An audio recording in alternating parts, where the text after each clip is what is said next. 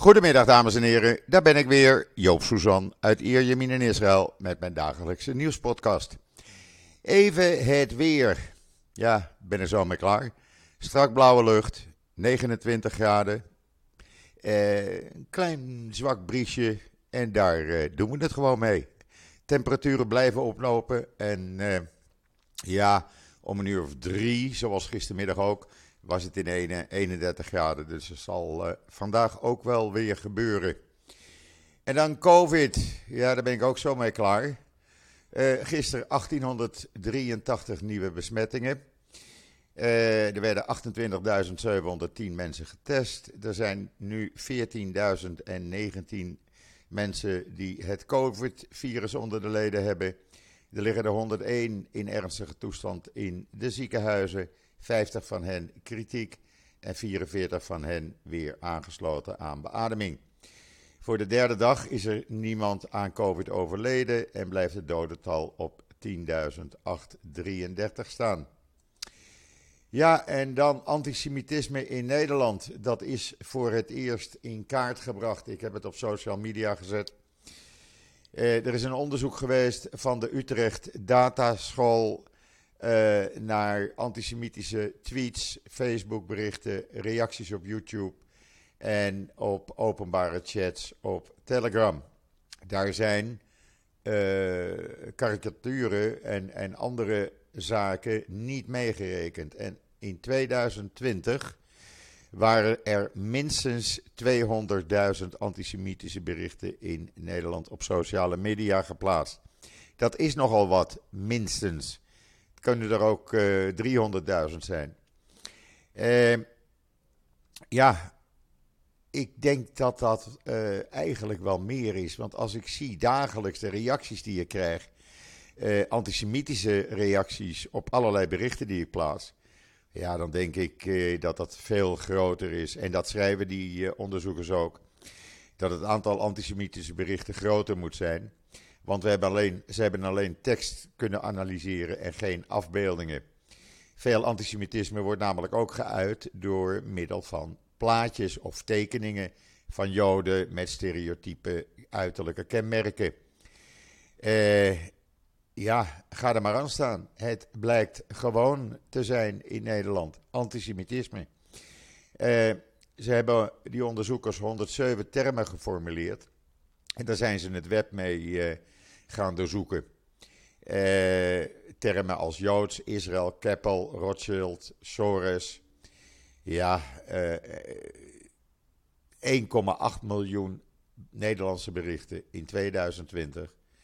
Uh, eh, waarvan er dus ruim 200.000 antisemitisme bevatten. Ik vind dat nogal wat. En ik denk dat iedereen zich daar zorgen over mag maken. Want het blijkt ook dat antisemitisme op social media eigenlijk gewoon uh, is en dat niemand daar iets tegen doet.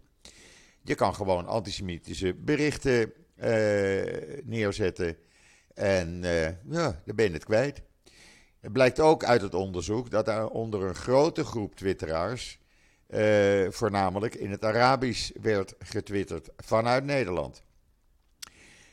Zo'n 20 procent. Maar het, uh, het is een kleine groep. Maar wel halen ze 20% van alle antisemitische berichten. Uh, ja, ga er maar aan staan. Ik vind het verschrikkelijk. En ik denk dat het op dit moment. Zou mij niets verbazen dit jaar als we op 400.000 of een half miljoen antisemitische berichten komen. En als je dan de karikaturen erbij rekent, ja, dan zit je bijna op het dubbele. Eh, dat loopt enorm uit de hand. En de Nederlandse regering, niemand doet er wat aan. Iedereen vindt het al normaal. En zo begint het. Het begint met het normaal vinden van iets. En wanneer iets normaal is, ga je er niet meer aan doen. En dan laat je het maar zo. En dan kunnen al die antisemieten gewoon hun gang gaan. Nu zijn het nog tweets. Het duurt niet lang voordat het ook gewelddadig wordt. Let maar op, zo gaat dat altijd. En ik vind dat iets vreselijks. En helemaal, er is een uh, uh, antisemitismebestrijder benoemd voor, door de regering. Maar ik hoor hem niet, ik zie hem niet. En uh, ja, ik weet niet wat daar mee gebeurt. Het CIDI spreekt van een groot structureel probleem. Nou, dat vind ik nog netjes uitgedrukt. En of dit onderzoek dan, wat het CIDI en het Centraal Joods Overleg willen, uh, jaarlijks wordt herhaald. Ik uh, vraag het me af. Ik vraag het me echt af.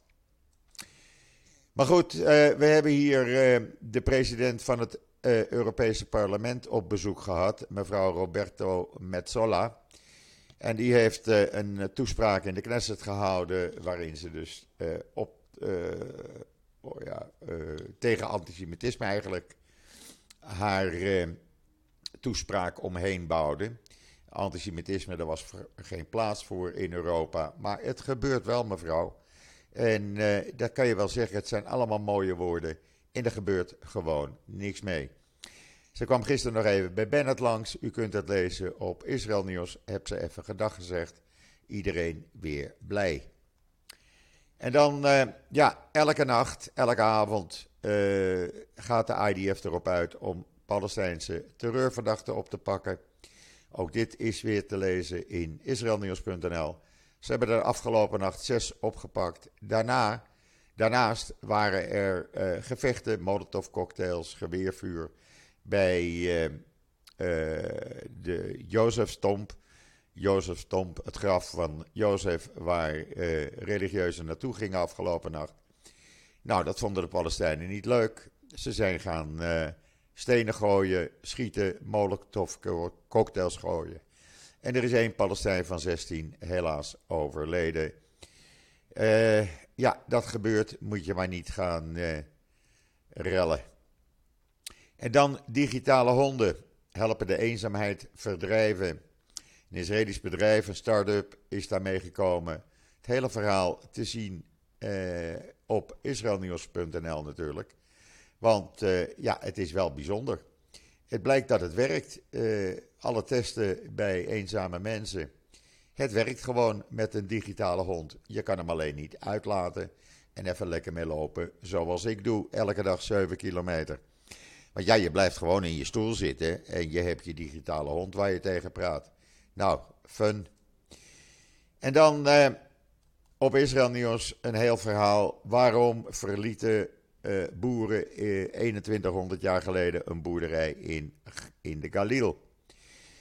Ja, dat kwamen ze toevallig tegen, de Israel uh, Antique Authority. Er werd een waterpijpleiding aangelegd en plotseling vond men daar een verlaten boerderij, de resten daarvan. Met allerlei zaken die er nog in lagen. U kunt het allemaal zien met film en foto's. Uitgebreid op Het is natuurlijk wel bijzonder. Ze hebben uh, kookpotten ontdekt, uh, weefgetouwen. nou ja, van alles en nog wat. Ze hebben allerlei boerengereedschap, landbouwgereedschap ontdekt. artefacten hebben ze ontdekt. Nou ja, lees het zelf maar. Ik ga het niet helemaal uitleggen, want anders gaat u niet lezen. Ja, en dan, uh, oh ja, voor de voetballiefhebbers. Hapoel Beersheba is voor de derde keer in, of voor de tweede keer in drie jaar, hebben ze de beker gewonnen. En ja, hartstikke leuk. Ze hebben hem gewonnen gisteravond met strafschoppen in het stadion van Jeruzalem, het Teddy Stadion. Daar uh, speelden ze tegen de landskampioen Hapoel uh, Haifa, of Maccabi Haifa geloof ik. Maccabi Haifa. Uh, en die haalde dus niet de dubbel. Leuk voor uh, Hapoel Beersheba.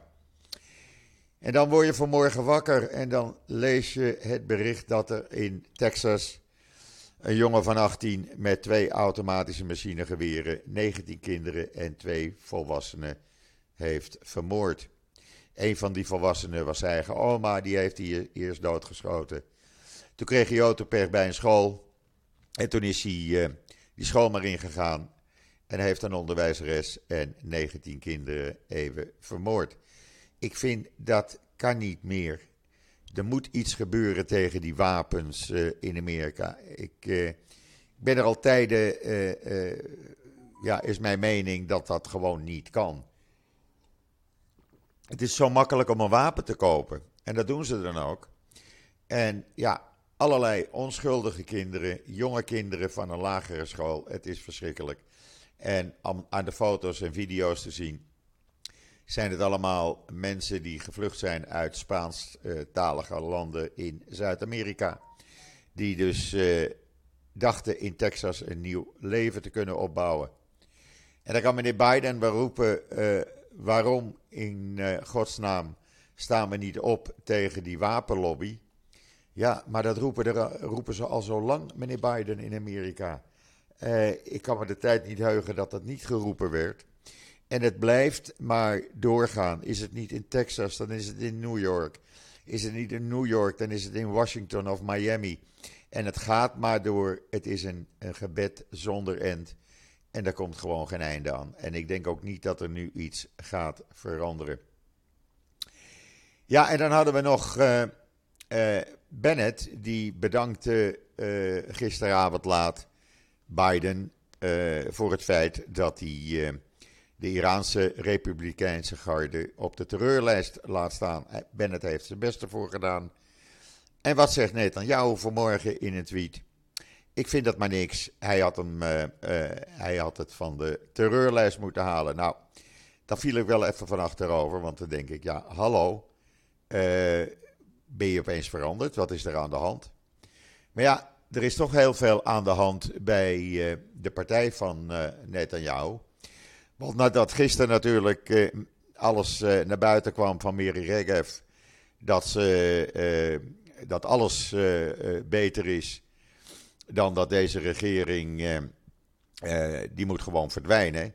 En daar moet alles voor wijken, zelfs uh, de bescherming van verkrachte en mishandelde vrouwen, de holocaust-slachtoffers, de zieken, de bejaarden, de invaliden. Niks is belangrijk, alleen maar deze regering wegkrijgen. Ja, toen heeft Netanyahu met de vuist op tafel geslagen en gezegd: Jullie moeten niet meer praten in dit soort teksten. Want alles wordt opgenomen. Nou had mevrouw Rekev gezegd: Ik ben ergens schuldig aan. Degene die schuldig is, is degene die het opgenomen heeft. Ja, nou, daar breekt uh, mijn pet even van. Sorry. Maar, uh, nou ja, het zal wel. Ik heb al eerder gezegd, die mevrouw Regev, ze kan beter op de Magenee Joda-markt gaan staan en vis gaan verkopen, want zo praat ze ook. En dan heeft de FBI bekendgemaakt dat ze een plot hebben ontdekt om de voormalige president Bush naar de andere wereld te helpen. Het zal ook niet eens zo zijn. Uh, degene die dat wilde doen was gelinkt of werd gelinkt aan ISIS. En dan uh, na Israël is uh, de Verenigde Arabische Emiraten het tweede land in het Midden-Oosten waar een geval van apenpokken is vastgesteld bij een mevrouw van 29 die kwam uit West-Afrika. Dus het is daar nu ook. Uh, anders dan in, in, Europa, want daar zijn het meestal mannen die uh, ja, bij feesten zijn geweest, laat ik het zo maar zeggen.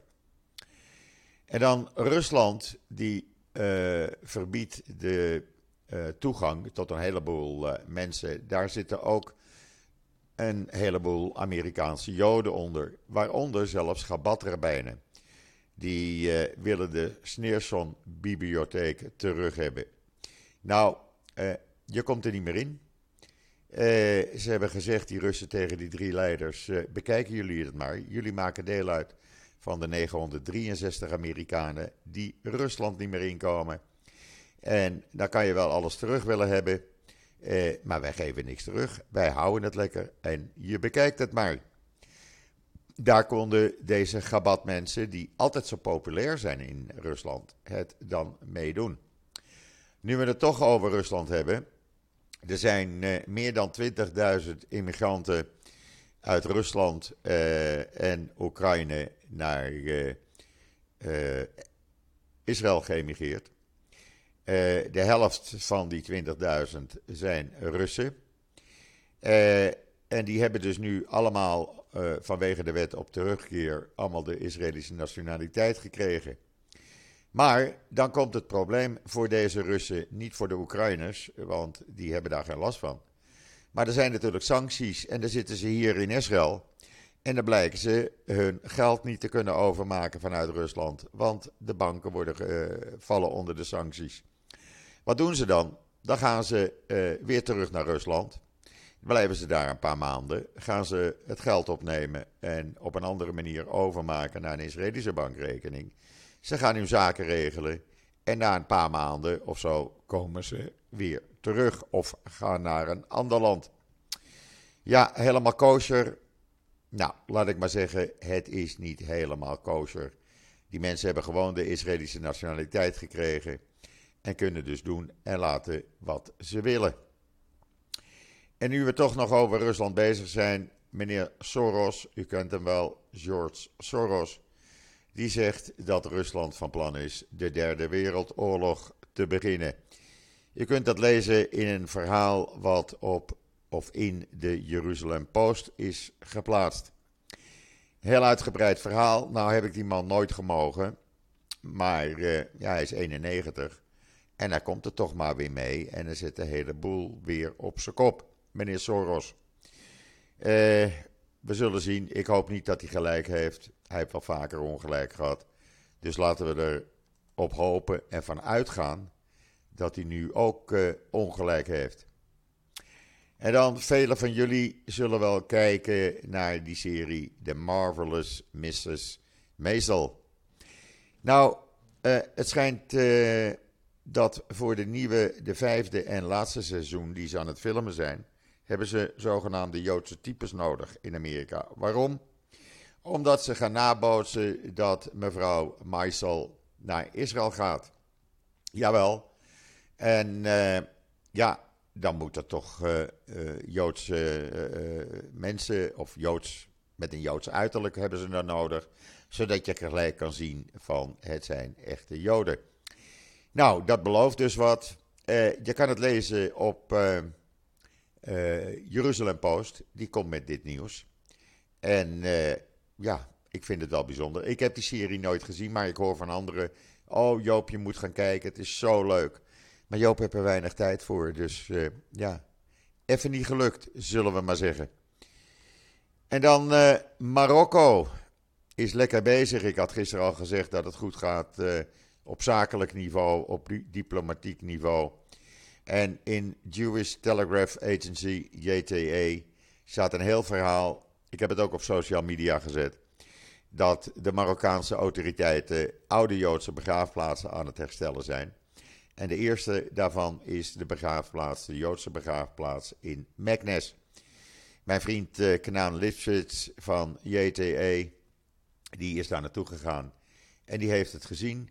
Het is een 10 hectare groot kerkhof uh, waar duizenden uh, Joden gedurende de eeuwen, de laatste eeuwen, begraven zijn. Veel van de graven zijn boven op ouderen gemaakt. Dus ja, het ene graf op het andere graf. En ja, daar gaan nu echt bedevaarten naartoe van, uh, uh, zeg maar, uh, van Marokko afkomstige Joden die in Israël wonen. En die gaan nu die begraafplaatsen ook weer bezoeken. Het zijn begraafplaatsen uit de 15e en 16e eeuw. Dus best oud, zou je zeggen. er werden in Meknes in uh, 1728 180 Joden vermoord in pogroms. En daarna door de sultan van Yazid nog eens een keer in 1790. Dus ja, eh, dat dat nu weer allemaal eh, gerestaureerd wordt. Dat mensen de graven weer kunnen bezoeken. Dat is hartstikke mooi. U weet, ik heb dat al eerder gezegd, er wonen ongeveer 900.000 Israëli's hier die uh, van Marokkaanse afkomst zijn. Uh, ouders, grootouders of voorouders. En ja, er is altijd een band gebleven. Ik zie dat zelf ook bij mijn zwager. Die is al een paar keer in Casablanca geweest. En is van plan, als hij zich weer helemaal gezond voelt. Vanwege de corona lag hij een beetje in de lappenmand om weer een keer te gaan. En hij heeft al gezegd tegen mij: Joop, ga nou eens een keer mee. Je wou dat altijd met mijn zuster doen. Dat kan niet meer, maar ga dan met mij mee. Nou, we zullen het zien. Ik wil het best zien, Casablanca. Ik wil best Marokko uh, zien. Helemaal de Joodse wijken, de Joodse gebouwen. Want het moet iets geweldigs kunnen zijn. Lees het op Jewish Telegraph Agency, jte.org op uh, internet. En dan, uh, ja, uh, Amerika is lekker bezig, want die heeft nu sancties op een groot aantal Hamas-functionarissen uitgeroepen. En op het financiële netwerk. Dus Hamas, die kan even niet meer bij 500 miljoen dollar. Uh, ik zou nog meer uh, financiële steun geven aan Hamas. 500 miljoen dollar kunnen ze even niet bij. Uh, ja, dan hebben ze nog bedrijven die actief zijn in Sudan, Turkije, Saudi-Arabië en Algerije. Nou, die bedrijven krijgen ook problemen in Amerika. Dus Amerika is lekker aan de gang, zullen we maar zeggen. En je kan ze niet hard genoeg treffen. Praat het over Hamas. Israël heeft de laatste dagen via Egypte en andere kanalen allerlei boodschappen naar Hamas uh, doen overkomen. Van jongens, hou je rustig zondag als die vlaggenparade plaatsvindt. Uh, er wordt niks, uh, geen rellen, we, we, lopen met die vlaggen. En hou je rustig, kom niet met raketten aan om die weer af te voeren op Jeruzalem, zoals jullie verleden jaar hebben gedaan. Want we slaan gelijk met, ijzeren, met ijzeren vuist terug. En uh, hopelijk blijft Hamas rustig. Goed, dat was het nieuws voor vandaag. Ja, er is niet zoveel nieuws eigenlijk. Oh ja, kreeg net het bericht door dat er uh, weer een nieuw politiek probleempje bij is gekomen voor de regering Bennett. Want een van de leden van de partij van uh, Benny Gans, die is voorzitter van de Economische Commissie en die heeft het bijltje erbij neergegooid uit protest tegen verhoging van de tarieven van het openbaar vervoer. Hij zegt dat gebeurt achter onze rug. Wij zijn het er niet mee eens. Ik ga niet meer stemmen voor de coalitie. Alleen als het erop aankomt dat het een uh, motie van wantrouwen is. Dan stem ik natuurlijk voor ze, maar ik wil mijn baan niet kwijt. Maar uh, ik protesteer, wij protesteren als commissie. En we stemmen dus even helemaal niet. En uh, dat moet weer eerst geregeld worden. Nou, dat krijg je nu de hele tijd. Uh, men ziet dat je macht hebt als eenling om de regering pootje te tackelen. Dus men doet het op die manier. Goed, dat brengt mij tot het einde van deze podcast. Ik wens iedereen nog een hele fijne voortzetting van deze 25 mei. Ik ben er morgen weer en zeg zoals altijd tot ziens. Tot morgen.